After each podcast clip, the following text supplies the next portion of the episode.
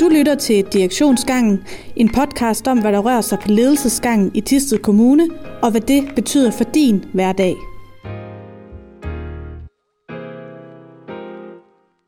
Hej, mit navn er Katrine Holler. Jeg er en del af kommunikationsteamet i Tisted Kommune. Overfor mig sidder Lars Slot, direktør for børne- og familieforvaltningen i Tisted Kommune. Hej Lars. Hej. Du er med i dag, fordi det skal handle om offrene for krigen i Ukraine, øh, og hvad Tisteds Kommune opgave er i den forbindelse. Ja. Øhm, fordi vi er lige nu i den her situation. Vi ved, der er rigtig mange flygtninge. Vi ved højst sandsynligt, at en del af dem kommer til Danmark. Ja. Og at vi også får en opgave her i Tisted Kommune. Mm. Øhm, men, øh, men hvad er det egentlig, kommunens rolle er, når der kommer sådan en gruppe flygtninge? Ja, altså, vi har jo arbejdet med flygtninge og øh, asylansøgere før i Tiste Kommune. Øh, det ligger nogle år tilbage efterhånden. Øh, jeg tror, vi, vi afsluttede øh, det arbejde for en 3-4 år siden. Øh, og det man sådan kan sige, det er, at, at situationen er anderledes øh, i forhold til dengang. Fordi dengang var det jo asylansøgere, som øh, kom til landet fra øh, mange lande, og som alle sammen søgte asyl. Øh, og det, der ligesom ligger i kortene lige nu, det er, at øh, de flygtninge, krigsflygtninge, der kommer fra Ukraine, de skal ikke igennem asylsystemet, som man skulle dengang. Øh, så derfor kan vi et konstatere, at opgaven er anderledes. To, så kan vi også konstatere, at øh, nu sidder vi her øh, torsdag eftermiddag og, øh, og har en viden, som øh, når lytterne hører den podcast her, så kan det være, at den er, den er forældet, eller den er, løb, den er jo sikkert løbet fra os på det tidspunkt, fordi øh, det vi tripper for lige i øjeblikket, øh, som, som, som det andet emne, det er det der med den øh, lov, man skal vedtage over i Folketinget, som skal give øh, de ukrainske flygtninge opholdsstatus, øh, når de kommer til landet. Øh, så, så, så to, det det er det, vi venter på, og det er den, den helt ubekendte. Og den lovtekst kommer egentlig til at, at sætte retningen for meget af det, som, som Tiste Kommune får af opgaver i den forbindelse. Men det ligger jo helt fast, at den politiske aftale betyder, at man som flygtning fra øh, Ukraine, jamen så vil man have ophold, lovlig ophold i, øh, i Danmark i formentlig to år, hvor man øh, kan øh, Øh, lege sig eller købe en bolig, man kan få sig et job, man kan få øh, dagtilbud til sine små børn og skolegang til sine store børn, man kan få sundhedsydelser og altså alt, hvad der ligger i vores, øh, i vores velfærdssamfund. Så hele den her proces, som andre asylansøgere har skulle være igennem, hvor de skulle søge om ophold og være huset på asylcentre i, i mellemtiden, det, det kommer vi til at springe over, eller hvad til led? Ja, både ja og nej, fordi Øh, og det er jo igen øh, noget, vi tror på kommer til at ske. Altså, sådan som vi ser det, så, så får vi jo ikke øh, ukrainske krigsflygtninge hertil, som fra dag et ved, øh, hvor de skal bo og hvad de skal lave. Øh, øh og i, i det hele taget, hvad deres liv skal indeholde. Så, så det vi som kommune lige i øjeblikket arbejder på, det er at tilvejebringe et antal øh, ikke asylpladser, men så alligevel nogle modtagepladser øh, rundt omkring i kommunen, hvor man som asylansøger lige kan lande, øh, lige kan øh, sunde sig lidt, kan danne sig et indtryk af, hvad er det for et land, man er, man er kommet til, få gjort sig nogle overvejelser om, hvad, hvad, hvad kunne jeg tænke mig i fremtiden. Måske, eller ikke, ikke måske, der bliver også flygtninge, som, som kommer med nogle traumer, øh, fra krigen dernede, som man også lige øh, skal have bearbejdet, inden man er klar til at, at få sig en bolig og et job og få sine børn i, i skole og dagtilbud. Mm. Så det, det, det er opgaven lige nu, det er at, at sammen med Udlændingsstyrelsen finde en række adresser, hvor øh, de kan få det her midlertidige ophold, indtil de skal videre. Ved vi allerede nu, hvor mange vi kommer til at skulle huse?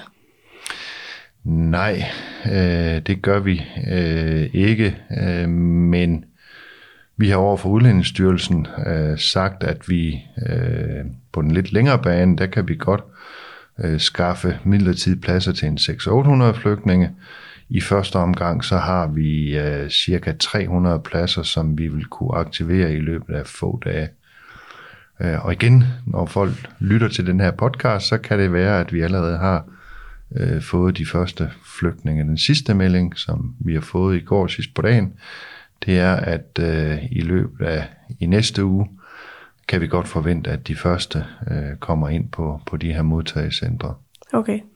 Men det er jo en speciel situation, fordi i princippet kunne der vel være ukrainer allerede, uden at vi vidste det. Vi ved, der er kommet ukrainer heroppe allerede, som på, på det her, man kalder turistvisum, hvor hvis man kan forsørge sig selv, jamen, så må, må man gerne tage ophold i, uh, i Danmark udenom om den nye lov. Uh, så uh, der er kommet flygtninge herop, nogle, måske i virkeligheden nogle af de mere ressourcestærke, som har et netværk heroppe, og som, som godt kan, øh, kan uh, indtil videre uh, klare sig selv. Okay. Men mangfoldigheden blandt flygtninge er jo øh, voldsomt stor. Vi har jo selv set alle de her billeder, hvor man, øh, man jo så at sige flygter fra, fra bomber dernede. Øh, og det giver jo en helt særlig type flygtninge. Dem, der er kommet, og dem vi har lige nu, det er nogen, der var så heldige at komme øh, ud af landet, inden det sådan for alvor gik, øh, gik løs dernede. Ja. Den her opgave her, hvordan, altså for de ansatte i Tisted Kommune, hvordan kommer man til at mærke den? Altså er der mange, skal der mange nye kollegaer ind, eller hvordan løft, løfter man sådan noget her? Øh, det kommer også an på, om vi får 300 eller 800 for det første som på de her modtagercenter, men på lidt længere sigt, hvor de her øh, flygtninge skal have ophold og, og have adresser her, jamen så kommer det jo til at påvirke vores jobcenter, det kommer til at påvirke øh, borgerservice, som skal registrere øh, de her i forhold til, til deres øh, adresser. Det kommer til at påvirke skoler og dagtilbud, som skal have børnene indskrevet. Det kan også være, at vi får øh, ældre, som har brug for, for plejehjemspladser, eller handicappede, som har brug for ydelser fra kommunen, også fordi hele det her øh, kommunale velfærdssystem, det får man jo ret til som, øh, som herboende øh, ukrainsk øh, flygtning. Og igen, så, så mm, mængden af opgaven øh, afhænger af, hvor mange øh, der kommer til. Det er jo født lidt rundt med, med antallet af forventede flygtninge. Øh, nogle siger 10, andre siger 20.000, og nogle siger sågar 100.000. Og det, øh, jeg, jeg har ikke noget kvalificeret gæt. Nej, vi må se, hvad virkeligheden, Præcis. hvad virkeligheden bringer. Øhm, jeg har jo nogle kollegaer, der allerede nu får opkald fra en masse borgere også, der, der rigtig gerne ja. vil tilbyde deres hjælp, og nogle mm. er også sådan meget med, kan jeg indkvartere dem privat, og altså, ja. hvis, hvis man går ud af den vej, er der sådan noget, man skal være opmærksom på? Altså kan man få støtte og hjælp fra kommunen lige nu for eksempel, hvis man vælger at huse en ukrainsk flytning? Det kan man som udgangspunkt ikke, eller det kan man ikke, øh, som situationen ser ud lige nu. Øh, nu vil den her øh, nødlov, som, som bliver først behandlet på, på mandag, at den vil måske give os et fingerpege om, hvad, hvad det her kommer til at indebære. Øh, men, men, men øh, det bedste råd til, til de her flygtninge vil jo være, at man går den rigtige vej ind igennem formentlig en registrering over i Sandholmlejren, og så skal de så videre derfra.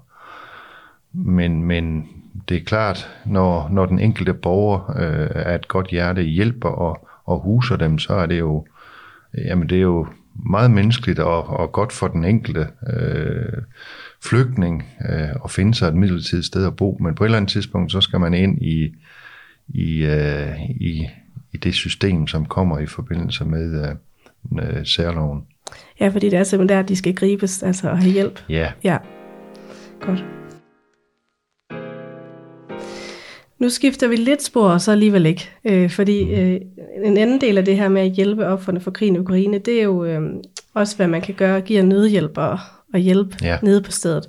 Og der er der blevet lanceret et nyt projekt, der hedder Ty for Ukraine. Øh, og jeg har læst på det og ved, at det er et øh, det er Røde Kors i samarbejde med en masse aktører i Ty, blandt mm. andet også her i Tisted Kommune. Ja.